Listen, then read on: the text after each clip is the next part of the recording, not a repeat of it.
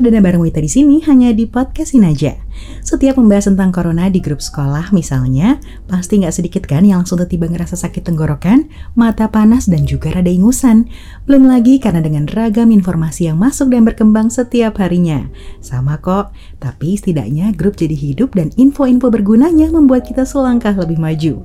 Beruntunglah memiliki teman-teman yang pintar.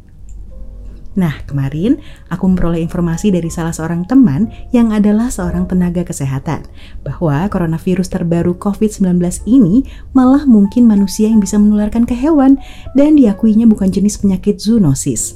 Aduh, saya semakin bingung saudara-saudara. So, buat yang punya sanggahan atau fakta mengenai hal ini, feel free to argue ya. Berbagai berita yang cukup simpang siur bikin kita cukup pusing tujuh keliling ya. Tapi yang menarik di sini adalah masing-masing dari kita tanpa memandang ras atau latar belakang, cukup gesit dan agresif dalam menyampaikan atau mengutarakan pertanyaan, argumen hingga pendapat. Apalagi yang kaitannya sama pemberitaan yang muncul. Aduh, auto heboh deh pada. Tapi beruntung, tingkat kepedulian di Indonesia tuh masih tinggi, apalagi yang berkaitan dengan bekal kesehatan diri. Ini penting banget kan? Hello, peduli sama berita-berita yang bikin shocking dan kita ngangas setiap harinya emang penting biar nggak ketinggalan update. Tapi nggak lebih penting daripada self-care. Jangan sampai nih, jangan sampai ya. Karena panik baca-bacain atau searching segala headline mengenai corona, kita jadi nggak ngurus diri sendiri, lalu ngedrop, terus demam, terus sakit. Kalau udah gitu siapa coba yang rugi? Nah, kemarin dan hari ini aku mendapatkan beberapa informasi yang sekiranya cukup berguna. Nggak ada salahnya buat kita sama-sama praktikkan, mumpung lagi banyak waktu di rumah. Ingat ya, kesehatan adalah yang utama. Nggak ada excuse, nggak ada penggantinya. Yuk kita bahas mengenai desinfektan terlebih dulu. Menurut jurnal kedokteran, coronavirus dapat tinggal di permukaan benda hingga 9 hari. Disinfeksi permukaan dengan 0,1% sodium hypochlorite atau 62 hingga 71% etanol signifikan mengurangi infektivitas coronavirus pada permukaan dalam waktu paparan 1 menit. Efek yang sama juga diharapkan untuk melawan SARS-CoV-2. Nah, sodium hipoklorit ini salah satunya terdapat pada Baiklin, namun dengan kandungan konsentrat yang lebih tinggi, yakni 5,2 persen. Merek pemutih seperti Baiklin atau Sunclean memang sering digunakan sebagai desinfektan untuk membunuh virus dan bakteri, khususnya untuk sterilisasi lab, klinik, rumah sakit, hingga rumah-rumah dokter. Yang perlu kita lakukan adalah mengencerkannya dengan air hingga konsentrasinya menjadi 0,1 persen. Airnya juga nggak sembarangan ya, harus pakai aquades alias air steril atau minimal air yang sudah dididihkan. Untuk desinfektan lebih tinggi malah disarankan langsung gunakan air mendidih, terkecuali untuk lantai nggak apa-apa kok pakai air biasa. Dan perlu diperhatikan juga proses pengencerannya. Jangan sampai salah agar mendapat konsentrasi yang benar, karena kalau enggak ya nggak bisa berfungsi sebagai desinfektan. Aduh ribet ya, Bo. Tapi nggak ada salahnya dicoba kan? Sebenarnya di pasaran dijual sodium hipoklorit, tapi tentu harganya cukup mahal dan dengan kandungan yang masih 5,2%. Di sini nggak usah pusing karena teman aku yang jago kimia udah ngitungin.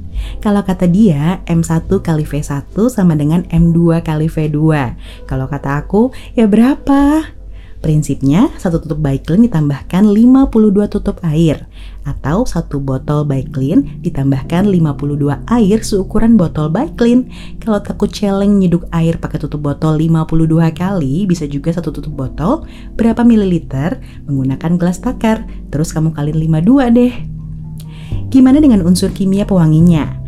Gak usah dipikirin pewanginya, yang penting kandungan sodium hipokloritnya berapa persen, pewanginya jadi bonus aja. Fokuskan ke daerah yang sering kontak dengan tangan kamu, seperti meja, kursi, pegangan pintu, dan yang lainnya. Tapi perlu diingat bahwa efek antibakteri campuran ini hanyalah 2 jam, sisanya jadi air. Terkecuali ditutup dengan wadah yang kedap udara dan cahaya. Maka dari itu takaran 1 banding 20 ini sebetulnya harus di-renew atau diperbaharui. Perlu diketahui jika kandungan 0,1% adalah paling minim. Lalu untuk efek antibakteri minimal 0,3 hingga 0,5%, sedangkan untuk efek antiorganik yang berarti menghilangkan semua zat organik minimal butuh konsentrat 2,5%. Beda banget ya. Nah, untuk alternatif selanjutnya ini kamu memerlukan 1 liter air mineral, aqua misalnya, dan 50 ml Baiklin untuk perbandingan 1 banding 10 alias 0,5%. Namun hati-hati jika ingin menggunakan alat semprot karena bisa rusak akibat karatan jika disimpan dalam jangka waktu semingguan. Lebih baik campurkan di baskom Lalu lap di daerah yang memang mau didisinfeksi, jangan sampai terkena logam dan cermin. Lebih baik gunakan untuk porselen, keramik, atau material kayu saja. Jangan lupa setelahnya harus kamu keringkan biar nggak jamuran, terkecuali dilap pada permukaan benda yang halus dan gampang kering. Kenapa sih pakai Baiklin? Karena Baiklin adalah satu-satunya cairan yang bisa punya efek degradasi protein. Contoh nih, kamu masukin satu daging sate ke Baiklin, dagingnya bisa hilang loh. Untuk gadget device seperti HP dan laptop, jangan pakai Baiklin juga ya. Gunakan alkohol swab aja. Sebagai rekomendasi, kamu bisa buka artikel berita bbc.com berjudul Coronavirus How to Clean Your Smartphone Safety. Untuk pengganti Baiklin ada pula merek Rodalon, desinfektan biodegradable yang konon baunya lebih mendingan ketimbang Baiklin. Buat yang pengen tahu lebih lengkap mengenai protokol desinfeksi di tempat kerja COVID, bisa japri langsung via email atau Instagram ya, biar aku kirimin. Kalau kamu mau pakai teknik yang lebih instan, kamu bisa spray beda-beda tadi menggunakan alkohol. Namun, karena alkohol sifatnya gampang menguap, pilih yang kandungannya 70% atau bahkan 96% sekalian. Sah banget kok untuk digunakan pada material kaca atau besi. Dan ingat, sehabis meracik semua ini harus sering-sering cuci tangan ya. Selanjutnya soal mencuci tangan. Setelah mencuci tangan lalu memakai hand sanitizer, pasti masih ada yang ragu kan untuk langsung memegang makanan? Nah, sama kok aku juga. Meski ada yang ngeklaim food grade dan ada juga yang belum jelas, langkah yang paling aman sejauh ini adalah setiap memakai hand sanitizer, sebaiknya tetap kucurkan dengan air bersih ya. Oh ya, hand sanitizer alami bisa dibuat juga dari daun sirih serta air mendidih. Untuk proses pembuatannya, silakan kamu cari sendiri di Google. Namun sejauh ini pemakaian sabun aja untuk tangan udah dikatakan cukup dan efektif kok, malah lebih baik ketimbang hand sanitizer.